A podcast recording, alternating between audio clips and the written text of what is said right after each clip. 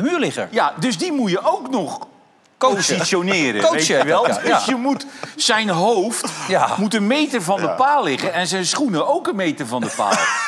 Maken wij het nog mee dat er dadelijk twee lepeltje lepeltje... mee dat er dadelijk twee lepeltje lepeltje... De muurligger. Welkom beste luisteraar bij wederom een nieuwe aflevering van Muurliggers de podcast. Aflevering 55 alweer. Naast mij, tegenover mij, met mij zoals altijd, Keanu Schiffers. Keanu, hoe is het jong? Braan, het gaat prima. Ik heb een fijne week gehad. Die, eh, die zijn eigenlijk schaars geweest dit seizoen. Dus eh, daar heb ik eh, ultiem van genoten. En ik moet zeggen, persoonlijk vlak gaat ook prima met me. Een beetje klaarmaken voor de vaste lovend, hè, zeggen we dan maar. Hè. Ja, het is bijna zover. Hè? We nemen op op eh, woensdagavond. Eh, ja, voor de meeste mensen begint het volgens mij, eh, of is het vorige week al begonnen?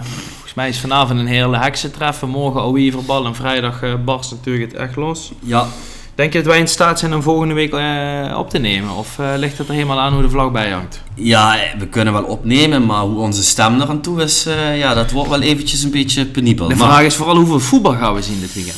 Ja, en het jammer is dat er ook best wel veel leuke wedstrijden aankomende week op het ja programma daar staan. komen we denk ik nog wel later bij terug. Ja. Maar ja, je geeft terecht, denk ik, aan. Ik heb een goede week gehad. Eh, wat was jouw moment van de week dan? Ehm, dan eh, wil ik het toch even voor de wedstrijd eh, Ajax-PSV hebben. Ja goed, mensen die vaker naar ons luisteren dit seizoen, die weten natuurlijk eh, dat ik ten eerste een Ajax-fan ben, maar ook me echt zelden tot nooit positief heb uitge- uitgelaten over Ajax dit seizoen. Ik denk ook terecht. Ik moet zeggen, ik heb afgelopen zaterdag eindelijk een elftal eh, gezien wat de tanden liet zien tegen PSV. Die er alles aan hebben gedaan om een goed resultaat eh, eruit te halen. En ik durf zelfs wel voorzichtig positief te zijn dat ik ervan overtuigd ben dat de derde plek gaat lukken nog eh, dit seizoen. Eh, dit moet ik even Verwerken. even verwerken. Dat snap wat je hier zegt. Ja, Eh, ik want had- dit is wel echt eh, van links naar rechts in, ja, in twee seconden. Nou, ik heb vorige week gezegd dat die wedstrijd tegen Heracles, dat ik voor de eerste keer het gevoel had in aanvallend opzicht, ja, het begint ergens op te lijken. Maar ik heb ook gezegd van ja, ze zijn kansloos tegen PSV. Met die achterhoede is het onmogelijk om ja, minder dan twee doel, tegendoelpunten te incasseren tegen dit PSV. Nou, dat is uiteindelijk wel gelukt. Eh, misschien ook wel een beetje gelukt dat eh Soetalo op tijd fit was, waardoor je Range op de linksbackpositie kon zetten. Ja, dat verviel na 20 minuten. Eh, toen dacht ik ook wel van, poeh, moet die Sosa nu tegen die Bakayoko? Ja, dat gaat één groot drama worden. Ik moet zeggen, die Sosa die viel echt prima in en die Bakayoko eigenlijk niet tot nauwelijks meer gezien de rest van de wedstrijd.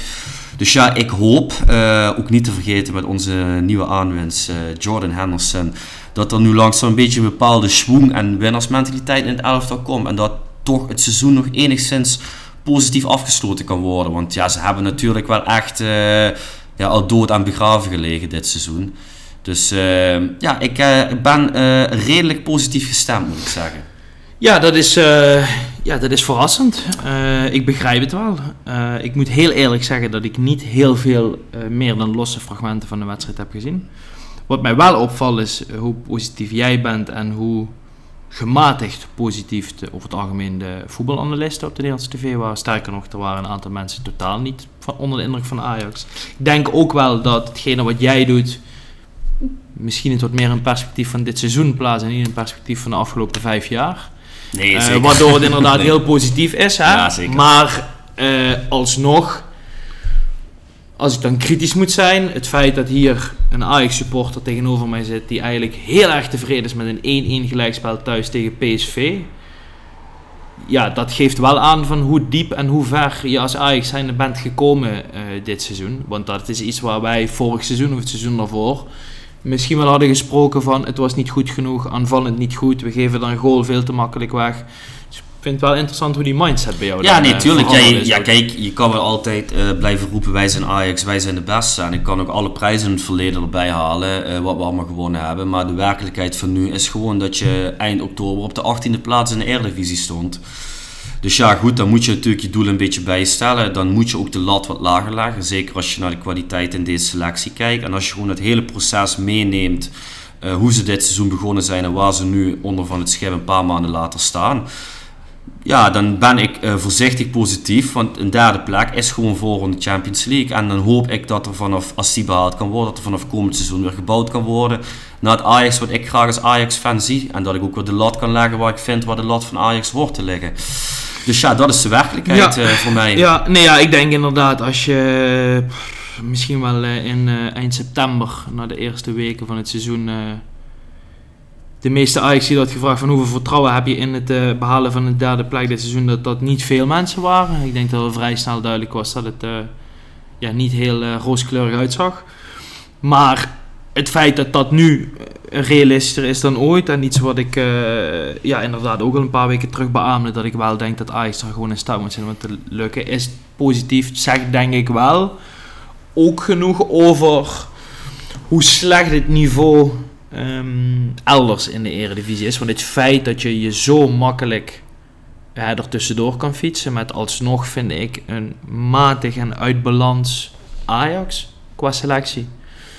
Ja, dat zegt eigenlijk wel genoeg. Hè? En het feit dat er inderdaad een ploeg is in Twente en een AZ niet kunnen profiteren hiervan, dat zegt eigenlijk ook genoeg. Je moet heel eerlijk zijn, de enige die presteert dit seizoen is PSV. Ja, maar en voor de rest is iedereen ondermaats. Feyenoord is ook compleet ondermaats. Ja, kijk, en laten we eerlijk zijn, met AZ staan ze punten gelijk. Op Twente staan ze nog altijd eh, zes punten achter. Dus er moet echt nog wel het nodige gebeuren.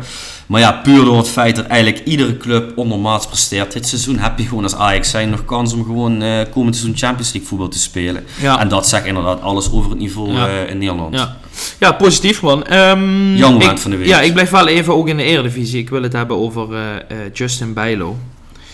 Ehm, en het feit dat hij alweer eh geblesseerd het veld af moest. Ehm, ja goed, kijk, jij bent natuurlijk Ajax ziet. Dus ik kan me voorstellen dat jou dat wat minder doet. Maar ja, als je ziet hoe zo'n jongen daar het veld af moet en echt gewoon tot tranen aan toe teleurgesteld is in zichzelf en gefrustreerd en wat dan ook, dan, dan besef je eigenlijk wel dat wij eh, misschien in Nederland altijd maar eh, een beetje bezig zijn met die Bijlo en ik kan maar niet fit blijven en dit en dat. Maar er is misschien maar één iemand die daar de meeste last van heeft en dat is Justin Bijlo. Zijn lichaam laat hem natuurlijk keer op keer in de steek. Hij is mentaal ja, weet je, het is niet dat het iemand is die niet goed omgaat met zijn lichaam, niet, niet genoeg ervoor doet, eh, te laat komt de trainingen, snap je? Dat soort verhalen komen allemaal niet naar buiten. Dus het is gewoon een topsporter puur, puur zang, alleen heeft hij niet het lichaam van een topsporter Arjen gekregen. Robben. En Arjen Robben. eh, en ik blijf erbij, Justin Bijlo is op dit moment gewoon de beste keeper die wij in Nederland hebben. En ook voor het Nederlands elftal. Dus ik kijk daar ook meer naar vooruit.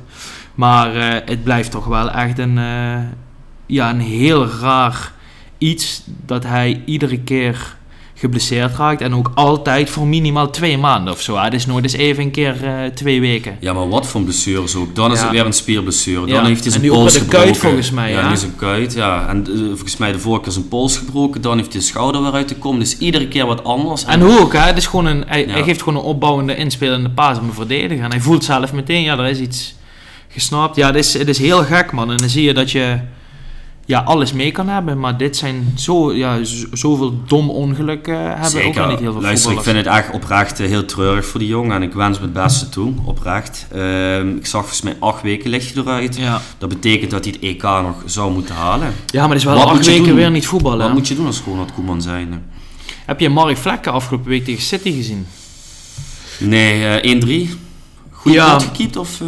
De eerste helft houdt hij negen ballen eruit en geeft hij ook nog een assist. Eh, het was wel eh, zeg maar een beetje de oppermachtigheid die we van Vlekken kennen uit de voorgaande seizoenen bij Freiburg. Was erg goed. Ik wil niet zeggen dat eh één goede wedstrijd natuurlijk je weer in, eh, in de picture speelt. Maar ja, goed. Eh, met een Vlekken en een Verbrugge en dat soort jongens die toch eh, op hoger niveau consequenter eh, functioneren.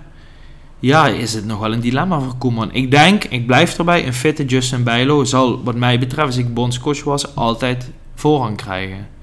Maar ja, hoe krijg je dat gerechtvaardigd naar die andere jongens? Zijn er misschien ook hè, mogelijkheden, we hebben het al een keer besproken voor een Mark Bizot of zo, die het ook supergoed doet in, eh, in Frankrijk. Of moeten we daar niet naar kijken, gewoon zeggen dat zijn de drie keepers en wie gaat spelen, dat zien we wel. Is, het, is het nog handig om nu een andere keeper bij de groep erbij te halen? Ja, dat vraag ik me dan ook wel weer af, man. Ja, lastig inderdaad. Ik vraag me sowieso ook wel af wat Slot nu gaat doen. Want ik zeg je eerlijk, die Welleroy, toch iedere keer als die die plek van die Bijlen moet overnemen, doet hij het echt goed. Afgelopen zondag uit bij AZ, ja, pakt hij ook gewoon echt de drie punten voor Feyenoord. Ja. Tja, weet je, ja, die jongen die staat er wel altijd als, eh, als ze hem nodig hebben. Ja, kijk, zouden ze niet daar eh, achter de schermen tegen zo'n Wellenreuter zeggen van luister, ja, we snappen misschien dat jij ergens eerste keeper wil worden. Maar zolang jij bij Feyenoord blijft en Justin Bijlo ook, kun je er altijd van uitgaan dat je 20 wedstrijden in een seizoen eerste keeper bent. Ja, 20 keept hij er denk ik niet, maar eh, ja, ja, zullen, overdreven, zullen we zeggen maar- 12. 12. Ja, maar ja, dan snap ik misschien dat die jongen dan ook na twee, drie seizoenen wel zegt van ja, ik wil eigenlijk wel wat meer dan 12 potjes keepen. Dat En- nog steeds, maar ik denk zeg maar, je kunt, je kunt op veel eh, meer plekken een slechtere tweede keeper eh, zijn. Of achter een eerste keeper staan dan met Feyenoord, met Bijlo, toch? Nee, zeker. Ik weet nog toen ze dat ene seizoen, toen ze de Conference League finale halen, toen hadden ze zo'n hele gekke Isra Israëliër, Marciano heette die volgens mij. Ja, Marciano, ja. Ja, die kon er echt geen kloten van, weet je. Dat, dat Die kost- dan gewoon die laatste fase, acht wedstrijden achter ja, elkaar, Dus ja. eh, je ziet ook hoe belangrijk zo'n tweede doelman eigenlijk is. hè. Nee, zeker. Denk jij dat eh, dit ook de reden is dat Justin Bijlo nooit een stap gaat kunnen zetten hoger dan wat hij nu speelt en keept? Het feit dat hij zo blessuregevoelig is. Ja, dat blijft speculeren natuurlijk. Durf een club het aan is natuurlijk te vragen. Kijk, over zijn talent en kwaliteit, daar zal denk ik niemand, of zal iedereen het over eens zijn. Maar ja, of zo'n club het met zo'n fitheid, met zijn fitheid aandurft. Kijk, je weet wel in zo'n eh, competitie als Engeland, ja, daar hebben ze meestal toch wel bij de meeste clubs twee eerste doelmannen. Dus je zou misschien dan wel kunnen aanstellen en ja, mocht er dan iets misgaan, dan heb je altijd een goede reserve op de bank. Maar ja, goed, als je echt eh, maar één, in één goede doelman wilt investeren, dan zou ik het niet aandurven. Nee, ik meen dat hij eh, afgelopen zomer nog geleend werd aan Spurs. Voor Aan United Vicario haalde. Aan United inderdaad. Ja. Dus hij zal wel op mijn radar staan. Maar ehm, ja, goed, we gaan het zien. Ik hoop in ieder geval voor, uh, voor Elftal dat hij op tijd fit is en nog wat, eh, nog wat ritme kan En oppakken. stel hij wordt eerste keeper tijdens EK en ik keep een goed EK, dan is hij ook weg eh, Denk ik na ook. de zomer. Denk ik ook, man. Denk ik ook. Hey, ehm, zullen we door naar de stellingen? Prima. Top, jong. Ehm, stelling 1. Het vertrek van Miljan Manhoef is de doodsteek voor Vitesse. Eens. Daar ben ik het ook mee eens. Stelling 2. José Mourinho is misschien wel de kandidaat om Pochettino in dit seizoen op te volgen bij Chelsea. Eens. Ja? Oneens. Stelling 3. Bayern München is na dit weekend de nieuwe koploper in Duitsland. Oneens. Ik ben het ermee eens. Stelling 4. Marcus Rashford verdient dezelfde behandeling van Den Haag als Jadon Sancho heeft gekregen. Eens. Oeh, eens. Had ik nog niet verwacht. Stelling 5 keer. Rode EC heeft goed gehandeld door Samuel Wissa nu al aan NEC te verkopen. Eens.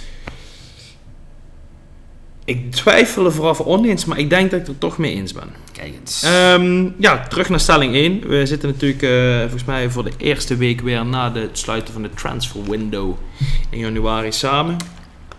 En waar William Manhoef nog even werd gelinkt aan, eh, PSV. ik meen PSV, heeft hij uiteindelijk toch ervoor gekozen om naar het altijd zonnige Stoke City te gaan. Eh, ik denk voor hem een hartstikke leuke stap.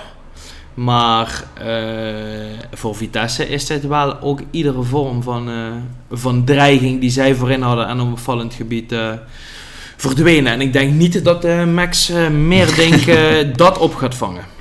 Wat Ja. denk jij? Ja, interessant en dat ze bij zo'n Max Merlik dan uitkomen. Hè. Maar ja, natuurlijk het feit dat ze hun beste speler eh, op eh, deadline day eh, verkopen aan Stoke City, terwijl hun sportieve prestatie zo penibel is. Ja, dat zegt natuurlijk alles over de financiële onrust wat binnen die club Ja, ze natuurlijk moeten. heerst. Ze, Ze moeten. moeten. En ja, ze staan echt met hun rug tegen de muur. Eh, ja, de kans wordt toch steeds groter als je de verhalen leest eh, ja, dat die club wellicht na dit seizoen niet meer eh, gaat bestaan. Als ze degraderen is het klaar. Ja, ik zag ook vandaag spelen ze de kwartfinale van de beker tegen Cambuur. Ook 3-1 verloren uit bij Cambuur. Dat betekent dat Cambuur Leeuwarden halve finalist in het KNVB bekertoernooi is. Ongelooflijk. Ja, uh, ja, het ziet er met de week slechter uit voor Vitesse. Ja, en Max Merding, ik snap dat hij Eredivisie minuten wil maken. Maar ja, die komt echt in zo'n vreselijk voetballend team nu terecht. Ja, voor hem is het denk ik goed. Maar, maar, en voor zijn ontwikkeling om Eredivisie minuten te maken, wetende dat hij altijd gaat spelen. Maar uh, hij gaat de club niet redden, denk ik. Nee, nee. En ik moet zeggen, afgelopen zondag tegen Go Ahead spelen ze niet eens zo slecht. Alleen ja, ze hebben echt niemand die die bal erin schopt hebben hun. En het begint nu toch wel een gaatje te worden met die onderste twee plekken in de Ik denk dat zij direct gaan degraderen, man. Dat Ja. kan niet eens na competitie worden. Nee, dat is nee. gewoon, zij zitten in, in, in een soort sleur. Eh, eh, ja, ik vergelijk het maar met een wurgslang. Dat, daar gaan ze niet meer uitkomen. Dat hebben we bij Groningen gezien, dat hebben we in het verleden bij alle grote ploegen gezien, ook bij Roda. Op een gegeven moment zit je erin en dan kom je er niet meer uit. En dan, ja, dan ga je in de winter nog een paar rare capriolen uitproberen te halen. Blij uiteindelijk dat dan ook nog je beste spelers vertrekken. Mhm. Ja, het sloes, jong.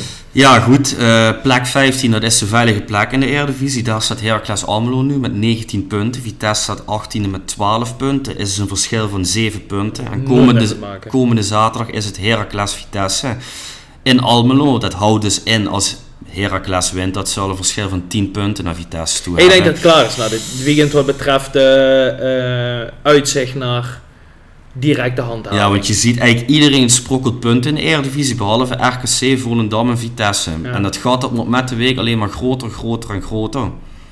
Ja, Volendam komt nog een voorsprong bij Utrecht de afgelopen weekend, hè? ook wel een rare pot. Ja, dat Utrecht, ze winnen dan nu een keer, maar 4-2. oh, dat blijft ook zo. Ey, dat was plus hun eerste thuisoverwinning sinds eh, eind oktober tegen Ajax. Hè. FC Volendam. Krankzinnig, hè. Ongelooflijk van. Ja, dus op dat gebied heeft Ron Jans ook nog veel Hebben we werk ons te doen. eh, toch verkeken? Nou, ik... eh, Ja, ik meen dat ik volgens mij erg positief was met de aanstelling van eh, Ron Jans. Ik had van die woorden nog wel zesde. Ja, ik ben ook al positief, maar dat, dat heeft nog wel even nodig. Dat zal Ja. dit seizoen niet, geen Europees Nee. voetbal voor FC Utrecht eh, Nee, worden. nee, misschien op lange termijn. Hè. Ja, Ja. Vitesse, zou je het jammer vinden als die club ophoudt met bestaan? Ja, jawel. Ja? Ik, heb, Ja, het, ja, ik heb het nooit echt een warme club of zo Ik ik snap wat je bedoelt, maar het is wel denk ik een, een ja, het is een meer Eredivisie club dan FC Volendam, Excelsior, Almere City eh, ooit voor mij zullen zijn. Ja, nee, ja, goed, dat klopt. Eh, ja, weet je, ik had misschien met zo'n Groningen vorig jaar of Twente wat degradeerde en denk van, godverdomme, dan mis, mis je toch wel echt goed in de Eredivisie. Ja, Vitesse eigenlijk vooral sinds dat die club in 2009 is overgenomen door Merab Jordania. Natuurlijk echt een hele rare club geweest. En misschien is daar Ja. wel eigenlijk alle ellende mee begonnen. Ja, terwijl je ook niet moet vergeten dat ze drie jaar geleden in de Conference League natuurlijk een geweldige run hebben gemaakt. Onder andere Tottenham Hotspur hebben verslagen. Ja, Op de valreep uitgeschakeld door het AS Roma van José Mourinho, die Ja. later ook het toernooi wonnen. ja onder eh Letch was dat toch? Ja, Thomas nu Letch, die ging naar eh, Bochum eh, daarna. Oké, ik dacht weet dat niet hij bij Hoffenheim zat. Maar Kan, in kan. ieder geval in Duitsland Toen, zit hij inderdaad. naar Ja. Bochum, ja. Eh, die ging, ging die meteen aan het einde van het seizoen? nee, seizoen, die heeft het seizoen daarop heeft nog vier wedstrijden gecoacht en Toen toen is hij vertrokken. eh, Ja. vertrokken. En toen kwam onze vriend eh, Philip eh, Cocu.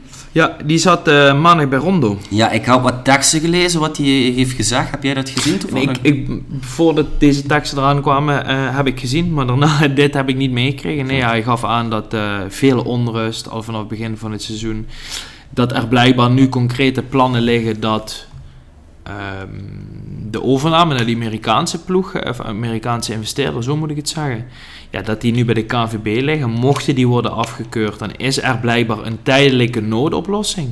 Om in ieder geval wel speelgerechtig te blijven en op zoek te gaan naar een nieuwe investeerder. Maar het klinkt wel allemaal als een eh, net wel, net niet eh, eh, situatie. Hè? Ehm, nee, ja, ik ben bang dat het einde oefening is voor Vitesse. Of de club daadwerkelijk stopt met bestaan. Ja, dat is- kan zomaar altijd nog wel iemand opstaan hè, om dat te redden. Maar ik denk wel dat volgend seizoen dat Arnhem uit een, eh, ja, een plekje gaat worden op de KKD-kalender. Daar zullen ze in Nijmegen blij mee zijn. Ja. ja, daarover gesproken, dat contrast. Hè? Niet normaal, hè? En ook die in het begin van het seizoen, Rogier Meijer, eh, vaker met witte zakdoekjes bejegend, bussen opgewacht. Ja, die, eh, die gaan sowieso play-offs Europees voetbal halen. Die gaan misschien wel de KNVB-bekerfinale halen. Ongelooflijk. Tja, dat moet niet gekker worden. En die spelen ook echt oprecht heel leuk voetbal, het NEC. Maar ja, misschien komen we daar in de laatste stelling nog wel op terug, op NEC. Daar komen we vast en zeker nog wel even bij terug. Eh, stelling 2, Kiano. Ehm, ja, dit is meer ook een beetje suggestief vanuit onze kant. Hè, want er is natuurlijk geen enkele eh, reden om eh, nu al te concluderen dat Pochettino ermee stopt. Althans, niet feitelijk. Stelling 2 luidt als volgt. José Mourinho is misschien wel de, de kandidaat om Pochettino na dit seizoen op te volgen bij Chelsea. En daar was jij het mee eens.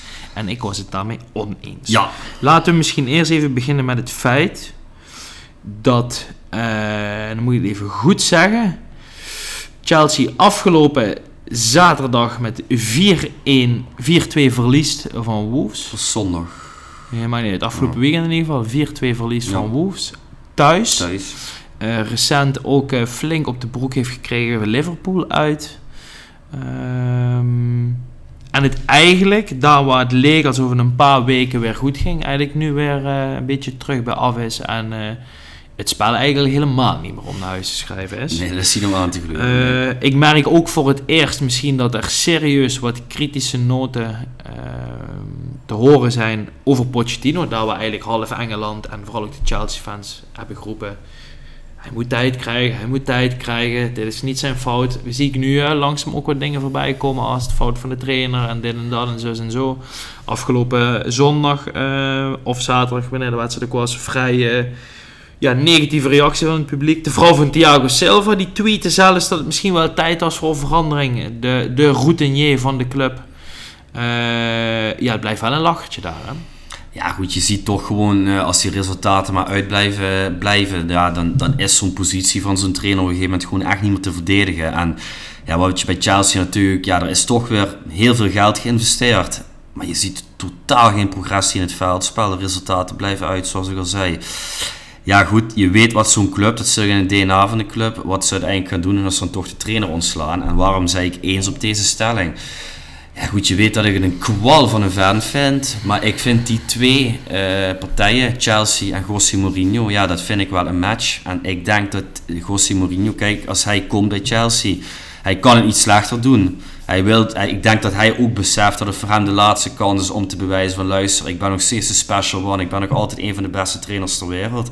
Ja, die gaat wel weer resultaat halen met Chelsea, daar ben ik eigenlijk heilig van overtuigd. Ik zeg niet dat hij ze binnen twee jaar landskampioen maakt, maar die gaat wel weer een top 4 club voor Chelsea maken. Ehm, ik hoor wat je zegt, maar we concludeerden ook een aantal weken terug, eh, meteen na zijn ontslag, dat het trucje van José Mourinho en zijn speelstijl eigenlijk wel al achterhaald zijn. Het voetbal is doorgeëvalueerd daar waar zijn spelopvatting ja, dus nu niet meer relevant is.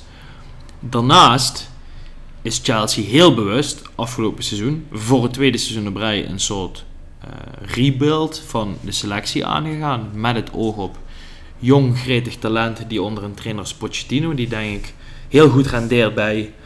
Eh, om niet met allemaal supersterren rond te lopen. Hè? Gewoon jonge jongens die gretig zijn en spelomvatting kneedbaar. Dat zijn niet per se de jongens waar José Mourinho heel erg fan van is.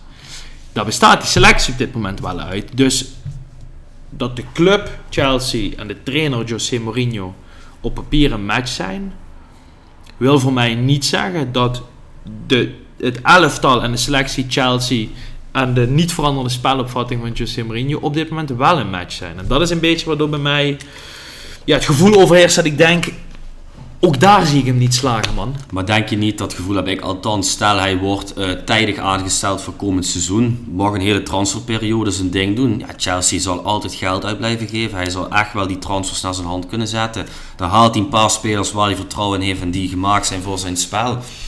Denk je dan niet dat hij daar langzaam toch het balletje kan laten rollen?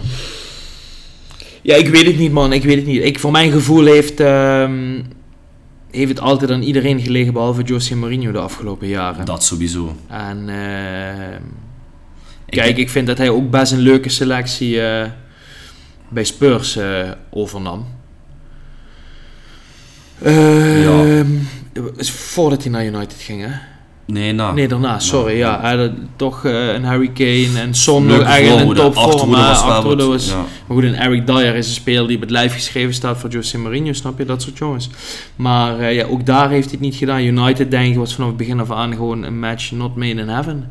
Ehm, en Roma zou je zeggen, ja, dit is het misschien. Minder druk. Eh, andere competitie, Italiaans voetbal is niet zo snel, is niet zo spannend. Dan kun je nog met een, met een Matic van eh, 59 op het middenveld spelen, Mm. bewijzen van eh, eh, even even overdreven. Maar ja, ik, ik zie het niet gebeuren, man. Maar ik denk wel, als het zo doorgaat, gaan er wel serieuze vragen gesteld worden over Pochettino bij Chelsea. Ja, kijk, want Chelsea heeft nu ook een paar jaar het met een trainer geprobeerd die eigenlijk best wel willen voetballen. Hè? Lampard, Potter, Pochettino ja, dat werkt toch allemaal niet daar. Ik denk echt oprecht dat het DNA in die club zit. Dat is gewoon dat Mourinho-voetbal. Daar hebben ze, zijn ze toch altijd het succesvolste mee geweest. Niet alleen onder Mourinho, maar ook onder Antonio Conte. Dat past toch gewoon het beste bij die club. Ja. Dus ik, denk, ja, ik denk, eh, ik vind het vreselijk om te zeggen, alsjeblieft, ik hoop het niet, want dan ga ik me weer week in, week uit erger een heel seizoen. Maar ja, ik denk dat dat best wel kans op slagen zal hebben. En ehm, wat is er dan toch nog een keer aankloppen bij Nagelsman aan het einde van het seizoen? Ervan uitgaan dat er iets gaat gebeuren. Chelsea. Na het EK, je Lijkt dat me, ook ook, gehad? eh, lijkt me ook geen match, man. Natuurlijk wel al gesproken, hè? Met- Voor de aanstelling klopt. van. Pochettino. Of... Ja, Nee. dan... dan, dan eh, Voor de eh, aanstelling voor van eh, Pochettino. klopt, ja. Na, direct Klopt. na Potter. Hij, dat is toen, hij heeft toen zelf gezegd, nu niet. En toen Ja. is hij naar Duitsland gegaan. Maar Ja. Nagelsman is ook iemand die altijd heeft gezegd... Ik ambieer geen lange trainerscarrière. Dus als hij dadelijk eh, Bundesliga kan afstrepen. Bondscoach. En meteen de Premier League. Zou je daarvoor openstaan? Ik denk dat hij er zeker voor open staat, maar ik eh, durf mijn handen in het vuur te steken dat Chelsea met Mourinho succesvoller zijn, zal zijn dan met Nagelsman. Ben je niet met mij van mening dat de huidige selectie van Chelsea beter geschikt is voor een trainer dan als Nagelsman dan voor Mourinho? Want ik denk wat Nagelsman natuurlijk bij Leipzig heeft gedaan is niet van eh, slechte spelers goede spelers gemaakt. Maar ik denk gewoon op hele duidelijke posities een aantal goede jongens. Want eh, laten we wel even vooropstellen. Of het een bij elkaar geraapt zooitje is of niet, maar er loopt natuurlijk op papier best wel wat kwaliteit rond daar bij de Chelsea. Hè? Het Ja, feit absoluut. dat zij gewoon een Caicedo op het middenveld hebben, Enzo Fernandes en dat soort jongens. Al las ik dat Fernandes misschien aan het einde van het seizoen weg wilt. Hè? Die twee zijn al 300 miljoen. Wel een contract tot 2032 is tot best lastig. Ja, moet je betalen dan. Ja, nee, tuurlijk. eh, kijk, de huidige selectie wat ze hebben, dat past veel beter bij een leuk, eh, leuke voetballende coach. Ja. Ja. ja, goed, met Thiago Silva achterin wordt dat misschien nog wel wat lastig, maar verder helemaal mee eens. Ehm, ja, alleen, ja, ik, ja, weet je, ja, je zegt het zelf ook wel een beetje. Het is zo'n zooitje. Ik vind die selectie zo instabiel. Het, ja, waar moet je in godsnaam beginnen als trainer zijn? Dus ik denk als er een nieuwe trainer gaat komen, dat er sowieso weer een hele rebuilding komt. En eh, ja, dan zou die trainer met het bestuur van Chelsea moeten afspreken van luister, eh, zo wil ik het doen. Eh, deze jongens wil ik hebben, deze kunnen gaan. Ja, dan zal je weer opnieuw moeten beginnen. En nogmaals, kijk, je kan het bijna niet slechter doen dan de afgelopen twee seizoenen. Mochten ze dit seizoen eh, zo blijven presteren zoals ze het nu doen. Ja, ik denk eh, dat bijna iedereen het wel beter dan Pochettino zou doen. Maar ik vind het voor Nagelsman vind ik het echt geen club, man. Dus jij vindt het ook nog Denk niet... je niet dat hij bij Duitsland zou blijven dan, eh Het Nagelsman? kan, het kan, maar het lijkt me ook niet gek als die zeg na het EK wel of niet succesvol eh, vertrek. Kijk, het is wel een hele gewilde trainer. Ik vind dat hij het bondscoachschap misschien vijf jaar te vroeg heeft aangenomen Ja, ja, ja. voor Ja. zichzelf. Ja. Eh, maar goed, ja, we gaan het zien, man. Eh, ik ga toch even een bruggetje maken, even buiten de stellingen, want eh, het zit me toch dwars, Keanu. Maar Oh. je hebt... Ik neem even een slokje water. ja, je hebt mij eh, nog eigenlijk helemaal niks gevraagd over afgelopen zondag. De wedstrijd van het weekend. Eh, ik ben je in des. Nee, ja, nee, en ik dacht, begin er maar niet maar over, je maar ik begint kan er het, zelf toch, over. kan het toch niet laten. Maar waarom kom ik hierbij nu bij een stelling van Chelsea? Want we hadden het er net even over dat Chelsea ongeveer eh, 250 miljoen heeft gestoken in eh, twee, drie spelers om, om het middenveld een beetje opnieuw leven in te blazen. Enzo Fernandes, Moises Casedo, Romeo eh, Lavia van Southampton, hè, op diezelfde positie. Maar heb jij zondag gekeken, is mijn, eh, is mijn eerste vraag. Ik heb de laatste 25 minuten van de eerste helft gezien en de samenvatting. Dus ja, Houdt deze stelling eigenlijk alweer meteen eh, helemaal op. ik heb Maar wel goed, kunnen concluderen dat wij geen Eh, Europees kampioen worden. Want die Hollanders op het veld, hey, wat een drama. Hey. En dan vooral onze aanvoerder, Virgil van Dijk, maar ook Gravenberg. En kijk, jij hebt volgens mij een paar maanden geleden gezegd... ik vind dat wij eh, onze mening van Gakpo moeten bijstellen. Petje af voor die jongen, hoe snel zich daar ontwikkeld heeft. Maar die komt gewoon nog eigenlijk echt tekort voor dit niveau. Ja. Ja, de reden dat ik het, eh, want daar, daar, daarom haal ik het even aan, was omdat ik toch even een eervolle vermelding op deze eh, podcast wil geven aan eh Jorginho. Die wij vorig seizoen winter op 31 of 30 jaar leeftijd bij Chelsea haalden. Ik weet nog Hele misselijke speler vond je dat altijd, toch? ik weet nog dat toen wij ehm, de podcast opnamen, dat ik tegen jou zei: Ik weet totaal niet wat ik hiermee moet en wat ik hiervan moet vinden. Het voelde voor mij als een rare aankoop. Eh Trossard haalden we in diezelfde week eh, in januari. Dat voelde goed. Die was in vorm bij Brighton, werd daar weggepast door de Serbi. Prima, heel goed. Ja, eh, eh, ja de, de mensen die het hebben gezien zullen het beamen. Maar Jezus Christus, wat was die goed afgelopen zondag. Hij. Dat is echt een verschilmaker. En dan wil ik nog een Chelsea middenvelder aan toevoegen. Het was Kai Havertz. Ja, die Ongelooflijk. spelen, die Havertz, ja. Ongelooflijk. Ja, die jongen... Ja, je stuurt hem één op één op de keeper en je weet voor 80% van van de momenten gaat het geen goal worden. Maar nee, die Jorginho op 32-jarige leeftijd, die maakt bijna geen minuten. Nu is 32 niet oud, hè, maar begrijp me niet verkeerd. Hij kan eigenlijk niet sprinten, hij is niet dynamisch, hij is niet snel, maar hij is zo technisch en, en balvast. En ehm, we spelen Liverpool gewoon compleet van de mat in de eerste helft.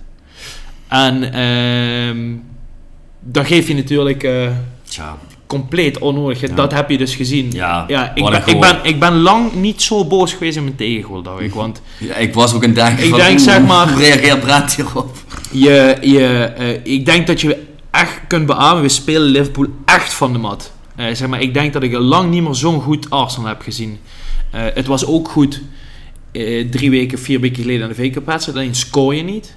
Maar nu, het was gewoon, ze kwamen er gewoon niet aan te pas. En ja, Salah was er niet. En ja, eh, Trent Alexander eh, was nog niet helemaal fit. En ja, Soboslai was er niet bij. Maar goed, daar hebben wij er ook geen Party, geen Timber, geen Jesus. Dus dat telt voor mij niet mee. Maar als je hem dan zo... Ja, ja je geeft hem cadeau. Liverpool had geen schot op goal in de Ja. eerste helft. Geen schot. Dus ze krijgen eigenlijk gewoon een goal cadeau. En eh, ja, ik vond het vooral heel, heel knap. En dan ook toch ook weer een Trossard benoemen. Ja, dan zijn dat toch dat soort jongens die dan het verschil maken. En ehm, ja, dat wil ik toch even gezegd hebben, man. Zeker, ik snap dat je dat kwijt wil. En eh, bij deze nogmaals proficiat. eh, want ja, goed, in de titelstrijd. eh, ja, jij zei als we hem niet winnen, dan haken we af. Maar die ligt nu natuurlijk helemaal weer open tussen drie clubs. Ja. Eh, moet wel zeggen, ja, ook die drie tegendoelpunten van Liverpool. Dat zag er ook allemaal niet best uit. Ja, ik, ik wil nog even terugkomen op wat jij zei hè, met de Hollanders. ehm, ja, Gravenberg, die, ja, dit was hem, hem te veel. Ja, maar dat was goed. Ik, daar kunnen we, heel, kunnen we heel eerlijk in zeggen. Ik vond McAllister ook niet goed op het middenveld. Er was eigenlijk niemand bij Liverpool goed de eerste helft. Gakpo heeft één bal gekregen. Ik, ja, ik, denk, ik ben het met je eens. Hè. Ik denk wel dat een, een verandering die heeft plaatsgevonden is dat Gakpo veel minder minuten krijgt. Bij Liverpool is een soort in een relatieteam. Jota is opeens in vorm. Die toch veel van die minuten opneemt dat vorig seizoen niet was. Nunez wordt wat vaker op de flanken gebruikt. Hij moest begin van het seizoen op 10 eh, eh, spelen. Maar ik kan me wel voorstellen, dit is voor mij echt een Jurgen Klopp voetballer, Gakpo. Ik weet niet of hij nog een kans gaat krijgen of heel veel kansen onder een andere trainer. Ja, weet je wat, wat ik altijd vervelend vind met dat soort spelers? Eh, als ze een kans in de basis krijgen, dan weten ze gewoon in een minuut 50 of 60 van oeh, ik sta nu nog op het veld, er komt een wissel aan, ik moet nu echt iets laten zien, want anders weet ik gewoon, ik ben de Sjaak. Ik, weet je, die krijgen, ze mogen dan wel in de basis beginnen en ze zijn dan basisspeler, maar langer dan een uur krijgen ze Nee. nooit. Ja, of dat Nee. het beste voor zo'n jongen is. Nee, Ik dat vraag ik me af. Dus ik, ik, ik, ik wil het ook niet per se afschuiven op Gakpo is niet goed genoeg in deze situatie. Ik ben wel van mening dat hij ondermaat is. Ja, Van Dijk, ja. Ik- zag ik heb heel uit. Ik heb me kapot geërgerd aan, eh, aan natuurlijk de goal die we weggeven. Maar de goal die, die Liverpool Arsenal cadeau geeft, Ja. daar lag je. Dat is eigenlijk nog meer comedy capers. Ja, En dan hebben we het over, nou in ieder geval, als je gaat kijken de afgelopen vijf jaar, de beste keeper en de beste centrale verdediger van de wereld. Hè, die daar elkaar eh, ja, in de weg lopen. Ja goed, dat dwing je ook af. Misschien fijn dat, er toch, dat Liverpool dacht van ja, ja, we hebben die goal cadeau gekregen, we geven er ja eentje terug. hè. respectief van ze inderdaad. Goed voor de financial fair play. nee, maar ook die derde goal, wat is die Alisson daar? Ja, kom, die mag er toch eigenlijk nooit in, toch? Nee, stonden ze wel met tien man. Van Dijk raken hem dan nog aan. Denk, Ja. ja. wat doet Van Dijk daar? In plaats van dat hij hem afdekt, gaat hij de lange hoek eh, willen afschermen. Ja, het Ja, was, het een was een dik totale overwinning, man. Het was een eh, totale overwinning. dik verdiende overwinning. Maar ja, die golen, dat, daar had ik wel zoiets van poel. Oké. Ja.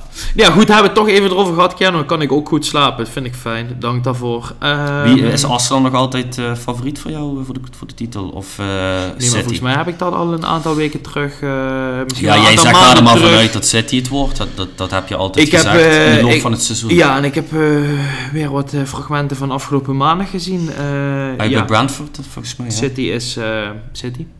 Nee, ik. ehm, nou, laat ik zo zeggen. Ik durf nu te stellen, we doen definitief mee. Eh, we zijn definitief eh, Arsenal ook goed genoeg om mee te doen. In ieder geval om in die drie tak mee te doen. Maar ehm, ja, zie jij, zie jij dit City op dit moment? Ja, zie jij, ja, ik zie die gewoon niet. Ik zie die überhaupt geen wedstrijd verliezen. Ik man. zie die wel wel langzaam stoom komen. Ik heb je vorige Daarom. week gezegd... eh, Daarom, ik- ik- terug, De Bruyne terug, Ja. Foden in vorm. eh, oh, kut hij. Die Rodri, de laatste keer eh, als hij in de basis stond, Ja. City een wedstrijd heeft verloren, 5 februari 2023. Ja, Ja. dat is wel heftig. Maar ik, ik zei ook vorige, toen vroeg je aan mij van wie is nu voor jou de favoriet? Toen zei ik van ja, op dit moment Liverpool, maar volgende week zou ik zowel City of Arsenal kunnen zeggen. Ja, we zijn nu een week verder. Ehm, ja, dan zal ik nu City toch wel zeggen, maar ik denk wel dat het lang spannend blijft, man. Dus eh, Ja. wie weet gaat iemand toch nog een misstap. eh, Eind maart eh, City Arsenal. Volgens mij kan City als ze die tweede inhaalwedstrijd ook ze hebben nu een wedstrijd minder. Ze die wedstrijd kunnen ze volgens mij op twee punten komen. Dan staat het City, Liverpool, Arsenal alles in, in twee punten. Ja, het gaat tot het einde heel, ehm, ja, heel, eh, heel spannend worden. En het, eh, een beetje het gekke contrast van afgelopen seizoen en dit seizoen is dat wij vorig seizoen eh, uit op Anfield spelen tegen Liverpool kwamen 2-0 voor, wel nog 2-2. Kwamen 2-0 voor tegen West Ham de week later. En toen verloren we nog met 3-2. We spelen zondag weer tegen West Ham. Het zou zomaar voor ons nu ook een moment kunnen zijn dat wij een bepaalde reeks inzetten. Dat eigenlijk het nu misschien, daar we Arsenal vorig seizoen heel vroeg de eerste seizoen zelf piekte. Ja, wat ik toch veel vol heb gehouden. Dat eigenlijk het doel was, nu pieken. Na die Ja. winterstop in één rechte lijn naar boven. Misschien heb je die inkak al een beetje gehad. Dus, Ja, en het positieve is daarin, en dan klopt het af. ehm Party is bijna fit. Timber begint volgende maand weer met mee trainen. Dus dat soort jongens heb je hopelijk op tijd ook weer fit. Tomiyasu komt terug, is weer fit. Dus je selectie wordt breder. Je zit niet meer met, eh, ja, met, met de C1 op de bank bewijzen van. Dus misschien eh, is dat hem wel. Maar goed, ja, kijk, en de blessure is natuurlijk in een klein hoekje. Ja, Eh, dus ja, we gaan het zien, man. ja. Laten we teruggaan naar de stellingen, want eh, niet alleen in Engeland is het spannend, eh, ook in Duitsland. En dit seizoen is de topper, in ieder geval van dit seizoen, namelijk Bayer Leverkusen tegen Bayern München, ik moet het goed zeggen. Ehm, ik meen dat het verschil twee punten is in het voordeel van Leverkusen. De stelling luidt als volgt. Bayern München is na dit weekend de nieuwe koploper in Duitsland. Jij bent het oneens, ik ben het ermee eens.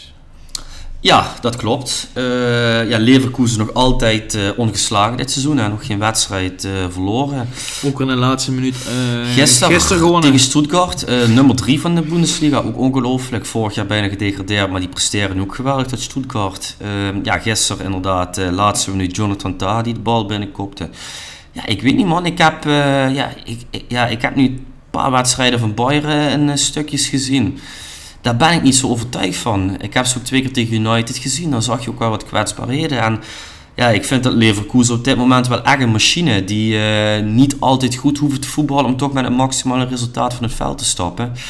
Eh, dus ik geloof er eigenlijk niet zo in dat die op eigen veld eh, dit weekend gaan verliezen. Maar jij dus wel. Ja, ik denk dit is het lot. Ook het lot van Bayer Leverkusen. Maar dat gaat dit weekend al gebeuren, dat lot. Ja? Ja, dat denk ik wel. En dat is voor mij eh, op niks anders gebaseerd dan op eh, historisch gevoel. Oké. Ja, dat kan. Ja, daar kunnen we heel lang Ja. over discussiëren. Ik gun het Bayer Leverkusen van harte. Ik gun het eh, met name ook wel eh Granit Xhaka, die vorig seizoen natuurlijk een soortgelijk traject heeft doorwandeld. Om misschien dit seizoen toch gewoon kampioen te worden. Daarmee is het natuurlijk wel een feit dat ik het Harry Kane heel erg gun om eh, geen kampioen te worden. Dus ik, ja... Oh, stel, die Kane die wint nu ook weer geen prijs. Hij. Die pleegt toch zelfmoord, die jongen. Hij. Oh, dat, oh, dat onvoorstelbaar. Die heeft die de beste spits aller tijden eh, zonder prijs, zeg maar. Hè? Ja, ja, dat zal hij dan worden. In ieder geval inderdaad, niet ja. alle tijden van de afgelopen, ja, laten we zeggen, 20 jaar. Ja, zoiets inderdaad. Nee, ja, goed. eh, ja. Ja, nou, ik heb toch even een nieuwtje. Oh. Dat Chelsea staat 2-0 voor uit bij Villa voor de FA Cup. Hebben wij het dan toch gewoon helemaal mis? Nee, nee, nee, nee, nee. Nee, Aston Villa met een B-team? Of, eh, nee. nee, ja goed, kijk, Chelsea zal altijd nog wel dit seizoen een wedstrijd hebben waar ze opeens een, eh, een pieker hebben. Maar die, ja, ik, het is gewoon geen elftal wat vier, vijf wedstrijden achter elkaar wint. nee, precies. Dat is gewoon een probleem. Maar ehm, denk je als Leverkusen dit weekend wint dat het dan ook gewoon eh, in één rechte lijn... Want laten we wel even eerlijk stellen, hè. het valt wel echt allemaal continu hun kant op. Nee, ja, luister, begrijp me niet verkeerd. Ik denk nog wel dat het Bayern München kampioen gaat worden. Eh, alleen, ik denk dat het bij Leverkusen... Maar niet dit weekend dus. Nee, geval, ja, nee ik denk dat ze dit weekend eh, wel een resultaat gaan halen. Maar ik ben een beetje bang, die laatste 8, 7 wedstrijden, als echt de druk erop komt en ze weten dat ze iets bijzonders kunnen presteren. Ja, dat ze dan aan die druk ondergaan. Want ja, je benoemde het net ook wel intussen, zijn wel echt alles zit mee. Tegen Leipzig worden ze eigenlijk 45 minuten weggespeeld. Weten ze toch nog die wedstrijd aan 2-0 achterstand 3-2 te winnen. Afgelopen, of ja, gisteren dan eh, de laatste minuut weer gewonnen. Het zit nu allemaal echt mee en er komt dadelijk helaas ook een moment dat het allemaal wat tegen gaat zitten. En dat zal net de fase zijn waar de beslissingen gaan vallen. Ja, en dan zal Bayern München als een duveltje, als een doosje eh, erop afstappen en helaas toch weer met, eh, ja, met de winst er vandoor gaan, ben ik bang. Ja, live in de uitzending nu ook 1-0 voor Feyenoord tegen AZ in de KNVB-beker. Ehm, ja, denk eh, heeft de luisteraar toch een update van de uitslagen die ze morgen al weten. dus het is toch leuk dat we daar eh, ook aan meedoen. Ehm, dan denk ik dat wij stelling 3 mooi en prachtig kunnen afronden. Ik, ehm, ja, ik weet niet of het lukt tussen het feestgedruis, maar mocht het lukken, dan ga ik toch eh, zaterdag wel even wat proberen te kijken van die wedstrijd, man. Dus, eh, oh, met de vaste loven bedoel je, ja. Ja, ja half zeven volgens mij, ja, ja echt een leuk potje. Het is sowieso Ja. echt leuke wedstrijden deze Ja. week en afgelopen weekend Ja. ook. Dus eh, ja, die carnaval komt eigenlijk niet goed uit. Nee, misschien kunnen we hem verplaatsen. Laten we dat doen. Ja, nou, stelling 4. Ja, Terug naar jouw club, die... eh, ja, jij wil over United hebben. ik durf wel te spreken een eh superweek achter de rug hebben. Nou Brent, daar leek het echt totaal niet op. Eh, wij hadden donderdag eh, in, met onze eigen voetbalelftal hadden we een degradatiekraker uit bij Simpelveld. We hebben het over United, hè? Klopt, Oh, maar ik oké, begin sorry. even Ja, met mijn oké. betoog. Ehm, ja goed, 1-0 verloren. Echt een draak van een wedstrijd. Mega geïrriteerd was ik na de wedstrijd. Ik denk, rij maar naar huis. Ik kijk op live score. Ik denk 3-1 voor, uit bij eh, Wolverhampton. Ik denk prima, nou tenminste nog iets goeds eh, aan deze wedstrijd. Moesten nog een kwartiertje voetballen. Ik kwam thuis, ik zet hem aan. Ik ga op de bank zitten, 2-3. Ik denk, oh, godverdomme, je het nu toch nog billen knijpen. Nou goed, 90 minuut was gepasseerd. 10 minuten extra speeltijd. Ik denk, och nee, ja, dan weet ik al wat er gaat gebeuren. Ik voel het ook Ah, aankomen. Echt verschrikkelijk. Hè. En een 92 minuut, ze willen met 8 man een aanval opzetten. En ik dacht nog, oh, als ze nu balverlies leiden, dan ligt het helemaal open. En ja hoor, ze leiden balverlies. 5 seconden later, 3-3. Ja, weet je, het zijn echt van die momenten. Ja, het hoef ik jou natuurlijk niet als supporter uit te leggen. Dat je denkt, fuck mijn leven, weet je wel. Waar heb ik dit aan verdiend? Weet je, al die scenario's gaan dan Ja, door je denk je hoofd. dat ik de afgelopen 15 jaar naar heb gekeken? Precies, dus Ja, als ja. ik iemand dit, Ja, eh, die- als die iemand weet dat heel goed. Ja, ja. Ja. En dan opeens, eigenlijk uit het niets, eigenlijk iets wat totaal het hele seizoen niet gebeurt, waar we de afgelopen jaar misschien wel wat vaker patent op hebben gehad. Eh, ja, een geweldige individuele actie van ons 18-jarige talent eh Kobi die dan toch de drie punten over de streep trekt. En ik denk ook heel belangrijk voor Ten Hag, want een paar dagen daarvoor wonnen ze wel eh, tegen League 2 club Newport Country in de V-Cup, maar het ging ook allemaal niet van harte. Dus eh, ja, heel fijn. En eh, afgelopen zondag thuis West Ham, een club die boven hun stond, eh, bo- boven stond in de ranglijst, waar ze in december nog 2-0 er vanaf gingen. Ja goed, weet je, ik zal nooit in United dit seizoen zien wat mega dominant speelt en die geen enkele kans voor de tegenstander incasseert. Die waren er nu ook voor West Ham, maar ja, toch wel een redelijk vrij overtuigende overwinning. Ja, je ziet toch als die Martinez terug is, dat een stuk stabieler achterin staat. Meteen voorbij. Ja, die ligt er ook al acht weken uit. Dus eh, dan moet het weer met Harry en Co gaan doen. Dus ja, dat eh, perspectief eh, dat is weer zeer teleurstellend. Maar ja, goed. Dat was wel ergens match op deze week. Maar ja, verder ergens een keer een hele fijne week gehad. Maar ja, deze week hebben ze dan weer Aston Villa uit. Komende zondag half, half zes. Ja, goed. Ik heb nog niet het gevoel van... je zit nu in zo'n flow, daar ga je ook weer drie punten pakken. Kijk, het kan de ene week kan het een 9 zijn en de andere week kan het gewoon een 2 zijn. Dat is ook gewoon de realiteit bij United. Dus ja, dus, eh, dus eh, ik denk dat de afgelopen ehm, dinsdag misschien wel de wedstrijd is. Of donderdag, excuus, volgens mij, hè, tegen, tegen Wolves. Eh, hoe de relatie tussen Erik ten Hag en United is. Want het is inderdaad om de week, om de minuut, om de vijf minuten wel anders. Ik ben nog steeds van mening dat Erik ten Hag niet de trainer is die United verder gaat brengen. Ehm, ik ben ook van mening dat ik het heel slecht verdedigd vond van Wolves, de 4-3. Maar dat is mijn mening. Eh, want zo goed vond ik de actie niet. Ik krijg daar alle ruimte om, eh, om natuurlijk door te lopen. Hij maakt het geweldig Hij speelt zichzelf wel redelijk goed vrij. vrij, Maar ik vind het te makkelijk. Het mag niet gebeuren als je net de 3-3 hebt Ja, ik vond gemaakt. het verdedigen van United erger. Maar dat zijn we denk ik wel met elkaar eens, toch? Ehm, nee, ja, goed. Dus dat sowieso. Alleen ehm, was er nog een verhaal dat eigenlijk voor de wedstrijd tegen Wolves, eh, Tegen Newport. tegen Newport al, al begon. Eh, namelijk het verhaal van Marcus Rashford. En jij weet het waarschijnlijk beter dan ik, maar wat ik ervan meegekregen heb, is dat hij zich op donderdag afgemeld heeft voor een training. Vrijdag, ja. Vrijdag en bleek dat hij woensdag en of donderdag ergens in een discotheek was gespot in Dublin. In ieder geval in een Eh, discotheek. Ja, was gespot. ietsjes anders. Oké, eh, Dan neem mij even mee. Nou, eh, zij zouden op zaterdag eh, vertrekken richting eh, Nieuwpoort. Eh, daar zouden ze overnachten voor dat FA, die FA Cup wedstrijd. Dus op vrijdag hadden ze de laatste training. Dan meldde hij zich voor ziek. Hij was ook echt ziek, eh, schijnbaar. Toen heeft hij zich op zaterdag ook ziek gemeld. Kijk aan, dat was het ja. En toen zijn er foto's eh, eh, ja, dus rondgegaan dat hij in Belfast Ah. die zaterdag in een club was. En die zondag heeft hij Ten Haag nog in de ochtend gebeld dat hij zich toch weer fit voelde. Dat hij op eigen vervoer toch weer richting Nieuwpoort eh, wilde gaan. Maar toen wist Ten Haag al die informatie dat hij in Belfast was. Dus toen heeft hij eh, gezegd dat hij eh, niet welkom was. Ja, goed. En eh, jij vergelijkt een beetje met de situatie met Sancho. Dat was Ten Haag eh ontevreden. Je wil me... Ja, nee, ga maar door. Ja. Ik, ik wil het niet specifiek dit moment aanhalen, maar eh, Oh, ga maar, laat, ga- maak maar even af. Nou ja, goed, in ieder geval, Rashford is fout geweest. Ja, dat kan je natuurlijk niet maken. Super oncollegiaal. En ja, ik denk sowieso in een seizoen als dit, als je geen pepernoot raakt, ja, super stom om dat te doen. Ja, goed, hij heeft zijn excuus aangeboden. De boete van 700.000 pond gekregen. Ja, ik denk, ja, weet je, als een speler zelf zijn fout inziet, dan is het voor mij geen reden om nog verder disciplinair te schorsen op die ene wedstrijd tegen Nieuwpoort na. Eh, vorig jaar is er ook een moment geweest uit bij Wolverhampton. Toen kwam hij 45 seconden te laat voor een bespreking. Toen zat hij in de vorm van zijn leven. Hij was eigenlijk de enige, de enige die rendeerde bij United en iedere week de punten in zijn, in zijn eentje bij elkaar eh, sprokkelde. Toen heeft Ten Hag hem ook op de bank gezet. Heeft hij hem na 65 minuten laten invallen. Uit bij Wolves stond het 0-0. Wonnen ze die wedstrijd ook met 1-0 door een doelpunt van hem. Dus ja, ik geloof wel dat Ten Hag eh, wel voor iedere speler dezelfde regels opstelt. En ik denk ook dat je dat wel moet doen. Want ja, anders kom je zo ongeloofwaardig over naar je elftal toe. Dus ja, ik, als je in ieder ik weet niet of je daarop doelt, maar als je daarop doelt, kan ik Ten Hag niet echt wat kwalijk nemen. En vind ik dat hij iedere speler, of het nou Rashford, Sancho of Donny van de Beek is, ja, dat hij die gewoon hetzelfde moet behandelen. Ja, nou ja, de reden voor mij om dit aan te halen is omdat. ehm, ja, kijk, dit is niet eh, de eerste keer natuurlijk wat jij aan, terecht aangeeft dat eh Jadon Sancho eh, disciplinair eh, gestraft wordt. Hè? Of dat nou te, te laat komen is. Of Rashford inderdaad- bedoel je? Sorry, Rashford, excuus. Ehm, eh, of voor het incident van afgelopen week. Ehm, goed, vorig seizoen kun je zeggen, kan gebeuren. Je bent in de vorm van je leven, straf en door. Hè? Ehm, maar blijft wel een disciplinaire straf.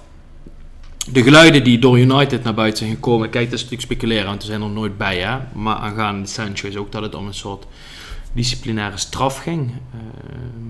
Ehm, het feit dat Den Haag Sancho eh, ja, uit de selectie heeft gezet, of, of wat er dan ook precies eh, gaande is geweest. Eh, alleen heb ik daar het gevoel toch, wat bij mij over is gebleven, is dat het eh, dat Den Haag misschien niet iedere speler op dezelfde manier behandelt. En dat Den Haag misschien dan, dan toch een keuze heeft gemaakt. Wat kan hè? Het kan best zijn dat jij als trainer een, een speler eh, erft waar je niks mee kan. Ik weet dat toen Arteta bij Arsenal kwam, dat hetzelfde met Özil gebeurde uiteindelijk. Of met Aubameyang, of met Lacazette, of met dat soort jongens. Op een gegeven moment moet je door.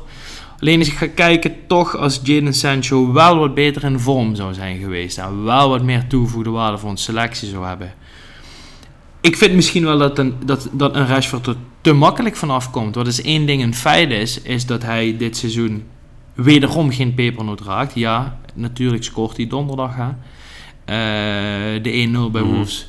Ehm, maar toch denk ik ergens dat ik het gevoel heb, en ik denk ook dat het gevoel bij Jadon Sancho is, als je nu naar die situatie kijkt, dat je denkt, hoezo ben ik in godsnaam eh aan een Rashford niet? Wat is het dan omdat Rashford een betere eh, reputatie heeft bij United? Ik vind, toch, ik vind het toch ergens een beetje met twee maten weten, op basis van de geluiden die natuurlijk naar buiten komen.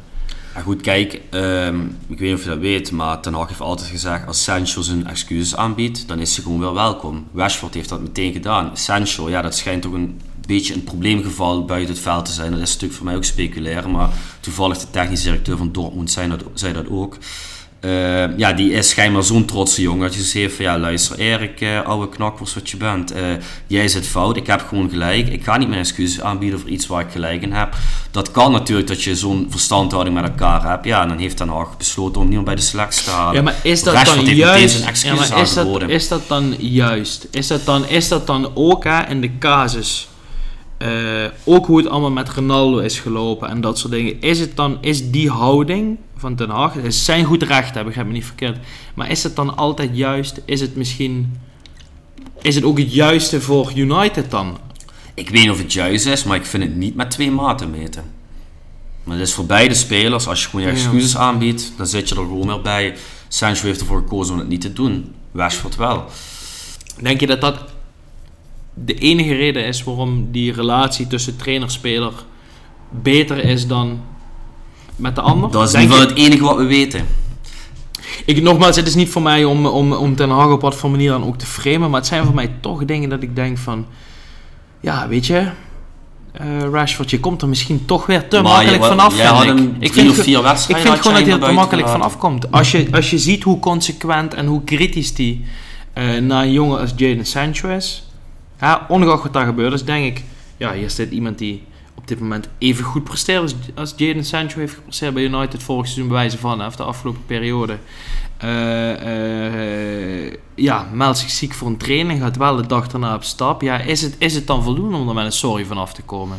Oh, sorry, foutje. En een eh, boete dan van 700.000 eh, pond. Maar ja, Maar dat geld voor die jongens niet, dat verdient hij een anderhalve week al. Nee, maar, ja, wat, snap je wat, wat- ik, ik weet, ja, wat- ik weet niet maar wat je... ik- ja, wat, is, wat moet je dan doen? Nee, ik zeg niet dat je iets anders moet doen, maar ik vraag me af, is dan het feit dat die, eh, dat excuus ontbrak bij Sancho reden genoeg om zo'n jongen uit een selectie te zetten, te laten vertrekken naar Dortmund, in een seizoen waar het niet loopt, aanvallend niet goed genoeg is, je geluk hebt dat McTominay opeens doelpunten kan scoren, het feit dat een menu opstaat, dat is allemaal geluk, maar het is gewoon kut. Ja, zeker is het kut. Is dat dan het feit dat er geen excuus komt, reden genoeg om zo'n jongen weg te sturen, weg te pesten? En misschien wel, hè? Ik zeg niet dat hij ooit was geslaagd, maar die relatie is voor altijd verbroken. Zeker, maar als hij eh, niet zijn excuses aan had geboden, dat heeft hij dus niet gedaan, maar Ten Hag hem toch bij de selectie had gehouden, ja, dat toont natuurlijk ook zijn gezag aan hè, bij Ten Hag. Dan word je toch Nee, ongeloofwaardig naar een ben ik met je eens, spelersgroep. maar je kunt natuurlijk dingen ook anders oplossen. Hè? Het is natuurlijk, ik, nogmaals, we weten het niet, maar als je puur uitgaat wat je nu zegt, je kunt zeggen of je biedt je excuses aan of niet, of je gaat een gesprek er van tevoren uitgebreider aan. Het is een beetje zo'n tweestrijd, zo twee kanten op. Die partij zegt dat. Stel nu, hè, eh, je hebt in een privéleven een situatie dat jij gezegd krijgt, je moet je excuses aanbieden en je bent overtuigd dat je, dat, dat je niks fout hebt gedaan. Dan ga je toch niet sorry zeggen om sorry te zeggen? Nee, maar dat is dus wat, hoe Ja. Sancho erin staat. Ja. ja. dan, maar ja, dan, dan maar is het dan goed of fout? Is want dan is dus de trainer degene met de meeste macht. En de club zegt dan waarschijnlijk... De ga maar naar de trainer. Er is geen technisch directeur waar die kan aankloppen. En de glazers gaan zich er helemaal niet mee bemoeien. Dus ik, ik, ik vraag me dat dan gewoon af van... dat kan. Hoe speelt zoiets af? Dat kan, maar stel, eh, jij bent voetballer eh, bij Arsenal, zullen we dat nu even zeggen. En Arteta zegt tegen jou, ja Brent, wat jij mijn training laat zien, daar ben ik niet tevreden over. Ik wil meer zien, ik wil meer intensiteit zien. Terwijl jij denkt van, oh godverdomme, iedere keer als ik thuis kom van de training, kots ik me helemaal onder, zo kapot uit me belopen, weet je wel. Ja. Hoe sta je dan in? Denk je dan van, pik, flikker op, voor jou ren ik me helemaal rot? Of denk je van, oké, de hin is duidelijk, ik moet me dus nog meer laten zien dan wat ik nu al laat zien. Ja, geen idee. Ja, is goed, je zou Nee, maar het is zeggen, je zou beestje. zeggen het laatste. Hè? Je, je zou zeggen inderdaad het laatste. Maar het feit dat de trainer zou zeggen of je zegt sorry of niet. Ja, dat is, dat is, dat is natuurlijk wel zo. Maar ja, goed, ik vind het, ik vind het interessant. Eh, ik denk ja, eh, Rashford eh, komt er makkelijk vanaf op deze manier. Ik vind het belachelijk dat hij al wil spelen tegen Wolves. Maar dat zegt denk ik ook genoeg. Het zegt Ja. denk ik namelijk, ik denk dat het, het, ten- het gezag van Ten Hag beter tot recht zou komen als hij dit beter zou voelen. Want het kan natuurlijk echt niet. Kijk, als je 27 punten los staat bovenaan, dan denk ik, oh, nou, Rashford heeft er al vij- eh, 15 of 20 in liggen dit seizoen, zou ik zeggen, nou ja, kan gebeuren. Maar het is natuurlijk hij, hij is een van de jongens waarvan wordt verwacht dat hij de club mensen- draagt. hij is een voorbeeldrol, Ja, Eh, snap je? ja. Ehm, wat ik interessant vond, heel kort nog, ook over deze situatie. Eh, ik was een andere podcast aan het luisteren en dan zeiden ze eigenlijk... Het beste voor Rashford was geweest als hij in de zomer gewoon naar Par- Paris was gegaan. Weet ik dus niet. Ja, zou die daar een betere voetballer van zijn geworden? In Nee, Frankrijk maar- voetballen? Je ziet, consequent spelen, presteren, zit er voor die jongen niet in. De druk die hij nu ervaart en misschien daarmee omgaan, lukt ook niet helemaal. Misschien dat het jongen wat meer rust of zo. Toch is dat gek, hè, Bram? Want alles wat hij vorig jaar aanraakt, dat verandert in goud. En dat het dit jaar dan wat minder is, dat is logisch. Maar dit contrast is wel echt heel groot. Ik denk dus dat dat ook de reden is. En ik, nogmaals, het zijn heel veel factoren. Maar dat is de vloek van United. Dat is de reden dat op dit moment in deze samenstelling, met deze trainer, deze selectie en dit technisch beleid, zul je voor altijd in deze soort limbo-fase blijven. Het is altijd net niet. En dat is met Rashford ook. Ik kan me best voorstellen dat als Rashford in de vorm van zijn leven een positieve stap maakt naar nieuwe competitie, nieuwe trainer, goede selectie, eh, misschien wat minder druk, hè, als in, in de competitie gezien. Ja, misschien rendeert hij daar beter door. En misschien is de druk van United en presteren en misschien na 4, 5, 6 weken merken, het gaat het niet worden. Ja, de bal valt net niet.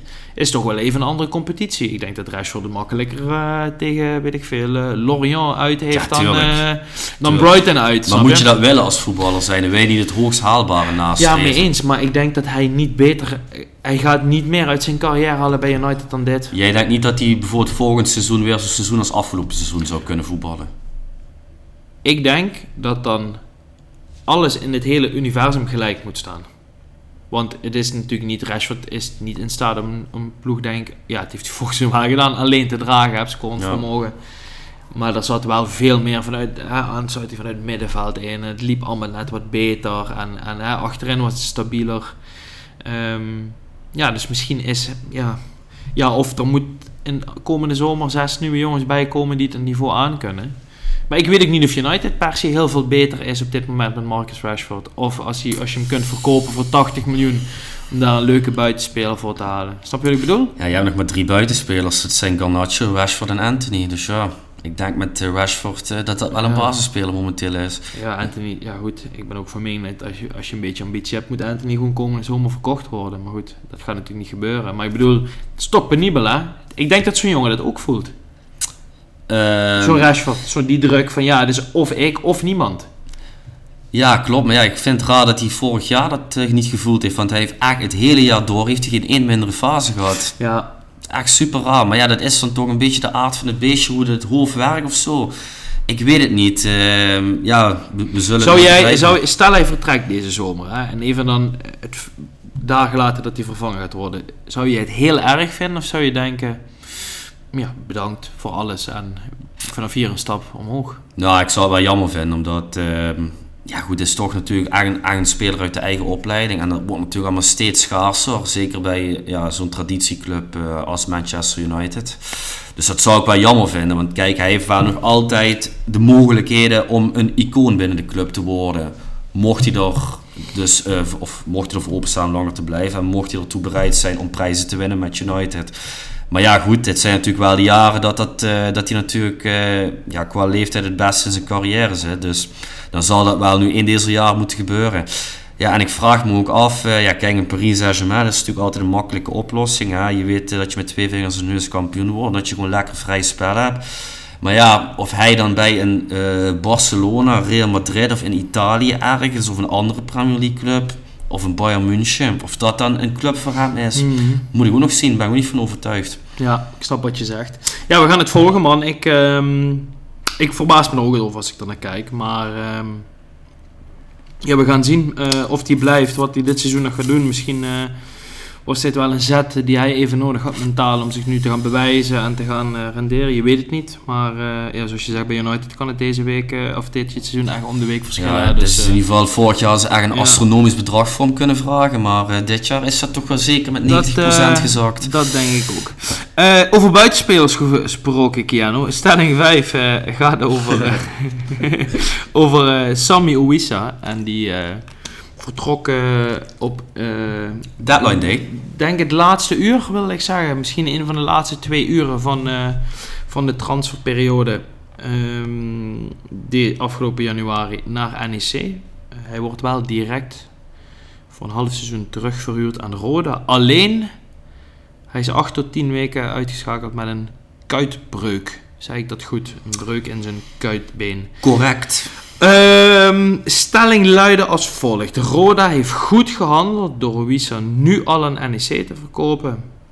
Ik twijfelde heel erg of ik het hiermee eens zou zijn, maar uiteindelijk eh, kwamen we tot de conclusie dat we het er beide mee eens zijn. Ik wil je best even vertellen waarom ik twijfel om hier oneens op te zeggen. Ehm, dat is namelijk het feit dat tot deze week, denk ik Rode nog steeds hele goede papieren had om in ieder geval bij de bovenste twee plekken te, te eindigen. Ehm, dan verkoop je eh, een jongen van 19, talent uit eigen jeugd, bepalende speler, nu al. Terwijl je ook de kans hebt om tegen hem te kunnen zeggen: blijf nog een half seizoen bij ons, ontwikkel je door en laten we in de zomer gaan kijken waar we staan. Promoveren we niet, ben je vrij om te gaan. Promoveren we wel, doen we je een aanbod en kun je met de Rode de Eredivisie in. En ik denk dat laatste, zou ik als ik Owiso was, best overwegen. Ik kan me voorstellen dat je het kan overwegen. Van de andere kant, wij weten natuurlijk dat wat nu misschien aan het gebeuren is, al het hele seizoen er tegenaan eh, hinkt. Hè? Het toch wel langzaam ineenstorten van. Als je namelijk eh, niet weet te scoren tegen Jong FC Utrecht en ook niet weet te scoren tegen... Ik denk dat het de F1 was van Jong AZ. Want zo'n Jong AZ, zo'n jong, Jong AZ hadden we nog niet gezien. En vergeet niet dat de laatste 20 minuten een veldspeler op doel heeft Degene gestaan. die de goal schot aan de andere kant stond in de goal. En Roda weet niet te scoren. Ja goed, dat is dan misschien even ook eh, overdreven. Maar dan denk ik ook, nou ja goed, nou, de kansen van Roda om dit seizoen te promoveren worden toch met de week kleiner. We zullen nooit weten wat er neergelegd is, maar het zal een leuk bedrag zijn. En dan moet je het gewoon aannemen en dan moet je het accepteren en dan moet je door, denk ik. Dus daarom ben ik het eigenlijk mee eens, man. Ja, Oh ja, fijn dat ik niks meer hoef te zeggen. Ja. ja, ja, nee, ja. Nou, dat is het einde van de podcast. Dankjewel voor het luisteren. Nee, ja, goed. Dus dat, dat is een beetje de gedachte die bij mij... eh, Ja, nee, ja, goed. eh, ik kan eh, met je verhaal mee eh, als die blessure hem niet te overvallen was. Maar ik denk ook van ja, goed, 8 tot 10 weken eruit, dat is best wel een flinke tijd. Dus ja, die zal pas rond april weer op het veld staan. Ja, dan is het maar de vraag of die jongen natuurlijk dan nog in die laatste fase van het seizoen Ja. hetzelfde niveau kan aantikken. En krijg je daar dan nog hetzelfde bedrag voor? Want het was duidelijk dat hij wel echt wilde gaan. Maar wat, wat denk je dan dat het bedrag moet zijn? Want er is, wat ik heb gehoord, is er een keer een bedrag neergelegd van 5 of 6 ton. Dat is meteen afgewezen. Kun je je voorstellen nadat ze 4 miljoen voor, eh vijf voor die 5 Metson. voor die Metson hebben ontvangen, dat er misschien wel een miljoen eh, richting Roda Ik is denk gegaan? het wel, ja. Ik vind het echt irritant. Ik kan echt nergens Nee, vinden maar wat ze- dus- hebben nee, dat gaan we nooit weten. Nee, ja, echt Nee. eh rammisselijk. Nee. Volgens mij hebben ze dat toen met die Bouchouari hetzelfde gedaan. eh. dat Ja. hebben ze toen nog niet kenbaar Nee. gemaakt. Nee. Maar ja, ik ga er wel vanuit dat die mensen een miljoen krijgen. Ja. En dan natuurlijk als je dan zo stelt, hè, of je hem nou had gehouden en je had hem 8 tot 10 weken niet kunnen gebruiken, of je zou hem wellicht dadelijk in een cruciale fase wel kunnen gebruiken, is het natuurlijk op papier een hele goede deal. Alleen, stel je promoveert wel. Ja, dat is misschien heel gek wat ik zeg, maar dat kan me best voorstellen. Dat is ik, dat als ik in OE zou zijn, dat ik zou denken, shit. Ja, dat- wat ik bedoel? NEC, ja goed, is natuurlijk ook een club wat op twee niveaus heeft gespeeld. Maar is natuurlijk wel een club die echt zich prima kan handhaven in de Eredivisie. Dus- wat is er nou sexy en aantrekkelijk aan NEC? Even, neem maar even serieus, man. Neem maar even serieus. Buiten Ja. het feit dat ze Eredivisie spelen, het is toch, is toch geen voetbalclub, ouwe? Ja, ja, maar ja, goed. Ik denk dat de werkelijkheid wel zo is dat het echt veel interessanter is om bij NEC te voetballen dan bij Roda. Zelfs Roda in de Eredivisie. Denk je echt? Ik denk echt. Zo diep is Roda afgezakt. Dat vind ik wel... eh, nee, dat, dat kan ik me niet voorstellen, man. Ik denk Roda in de Eredivisie is ten alle tijden interessanter dan NEC, Volendam, Almere City, RKC Waalwijk. Je moet je, 100%. maar je moet je voorstellen, kijk, wij zijn 7, 28 jaar, maar die jongens, 17, 18, 19, 20 jaar, ja, die hebben maar één ding in hun hoofd en dat is het Roda het tweede niveau van Nederland Ja, speelt. maar, dat- nee, maar dat snap ik. Maar je krijgt opvoeding, je weet clubhistorie, snap je? Die jongens zijn, die zijn 19, ze zijn niet 8, snap je? Dus ik snap wat je bedoelt te zeggen, maar dit zijn jongens die voetballen bij een club. En ik denk het feit dat zij... Ik denk dat hij op dit moment betere faciliteiten heeft bij Roda dan wat hij ooit bij NEC gaat krijgen. Als jij in het uh, Parkstad Limburg stadion mag voetballen week in week uit, dat is toch een luxe? Ook ik in de Eredivisie niet? voetballers het zo zien. eh, Nee, ja, dat kan gerne. Dan denk ik dat jij misschien dat jij het misschien wat negatiever ziet. Dat mag hè. Maar ik denk ja, ik denk als je een beetje voetbalverstand hebt, dan is Roda toch een veel interessantere propositie. Niet nu, maar op, op niveau in een Ja, Eredivisie. ja die, die club heeft meer potentie dan NEC, dat, dat, Ja. dat zeg je eigenlijk, ja. Ja, nee, dat, eh, zo zie ik het ook. Maar ja, ik denk dat die jongens dat eh, ja, niet meer zo, zo 1, 2, 3 zien. En ja, goed, bij NEC, ja, daar speel je toch voor de e- bovenste 14 plekken. Terwijl je weet, bij Roda ga je toch eh, ja, keihard tegen degradatie strijden. Ja, en Ja. of dat nou ook bij zo'n jongen past... Nee, ja, ja goed. Dat mee, betwijfel ik. Mee eens. Eh, wat, wat betreft het laatste, ik denk inderdaad een Roda in de Eredivisie eh, wel of niet na dit seizoen is natuurlijk geen garantie voor de komende 40 jaar bij Eredivisie. Hè? Eh, laten we dat vooropstellen. Maar ja, ik denk onder de streep kunnen we concluderen. Goed gehandeld door Roda. Hoe je het went of keert, positief. Afgelopen seizoen zwarte cijfers gedraaid. Volgens mij een ruim voldoende gescoord op dat puntentaalsysteem van de KVB. Dit is denk ik positief. Niet met geen geld, geld willen uitgeven. Dus ja, laten we zeggen dat in ieder geval een aantal dingen aan de achterkant in gang worden gezet om van weer een stabiele BVO te maken. En hopelijk gaat dat of dit seizoen of volgend seizoen of op korte termijn leiden tot, eh, tot promoveren. Maar wel met absolute kanttekening dat ik wel denk dat ze langzaam aan het verspelen zijn. In ieder geval direct promoveren. Ja, als je geen doelpunten scoort, dan wordt het ook moeilijk natuurlijk om wedstrijden te winnen. Ja. Dus eh, ja, vrijdag ontvangen ze Dordrecht thuis. Een leuk potje. Hele, ja, en ook gewoon echt een goede ploeg dit seizoen. Ja. Dus eh, ja, ze moeten echt, ja, ze moeten in ieder geval de aansluiting houden. Weet je, die laatste twee maanden kan nog af en alles gebeuren. Je ziet Willem II, die ze verspelen nu ook week Ja. in week uit toch wel wat punten. Dus die zijn ook kwetsbaar. Dus als je er maar gewoon bij blijft op een eh, ja, redelijke afstand, dan, dan is het goed. Dan kan nog van alles gebeuren die laatste 7, 8 wedstrijden. Maar ja, je moet nu niet in een vrije val natuurlijk terechtkomen. Dus het is wel Nee. belangrijk dat ze vrijdag weer drie punten gaan Ga halen. je vrijdag? Eh, ja, ik ga vrijdag inderdaad. Ja, Ehm, ja, ik weet niet of het misschien toch aan mij ligt, Brent. Sinds ik die kaarten heb. Ik zie ze alleen maar zakken op die ranglijst. Piano, piano, piano. Dat is allemaal weer kloten. Nou jong, dan ehm sta ik de vrijdag. Dank je. Eh waar verheug jij je weekend meer op? Op de Afrika Cup finale of de Asian Cup finale? Ik denk de Afrika Cup finale. Azië Cup is wel Jordanië tegen... Qatar. Ja, daar blijf je toch voor thuis, of niet? Nee? Oké. Nee, ja, goed. eh, we hebben net gezien Zuid-Af of eh, Nigeria wint met penalties van Zuid-Afrika. Ivorcus tegen Congo na 45 minuten nog 0-0. Ik hoop dus stiekem dat Ivorcus hem gewoon wint. Ja, Als gastland, trainer ontslagen na drie wedstrijden in het toernooi. Geweldig, voetbalhistorie. Voetbalhistorie, Kiana. ja ey, maar even, die hebben echt leuke voetballers. Al rijdt dat Ivorcus. Het zou eigen schande zijn als ze dat niet winnen. Maar ja, goed. eh, We gaan het zien, jong. we gaan het zien. Verder nog leuke potjes komend weekend op het programma. Ik weet Ajax uit naar Heerenveen. Roda dus tegen West Ham. Arsenal, West Ham, Arsenal, Aston Villa, United. Nou, kijk aan, jong. Nou, dat zijn inderdaad wel... Bayern eh, tegen Bayern München. Bayern tegen Bayern. Ja, Bayer Leverkusen, Bayern München, dat wordt zeer interessant. Eh, heb je nog iets van eh afgelopen weekend? Was ook volgens mij Atletico Madrid. Real Ja, heb ik eh, volledig gezien. Laatste minuut. Leuk om 1-1. naar te kijken? Nee. Nee? Ja. Lyon wint overigens van Marseille.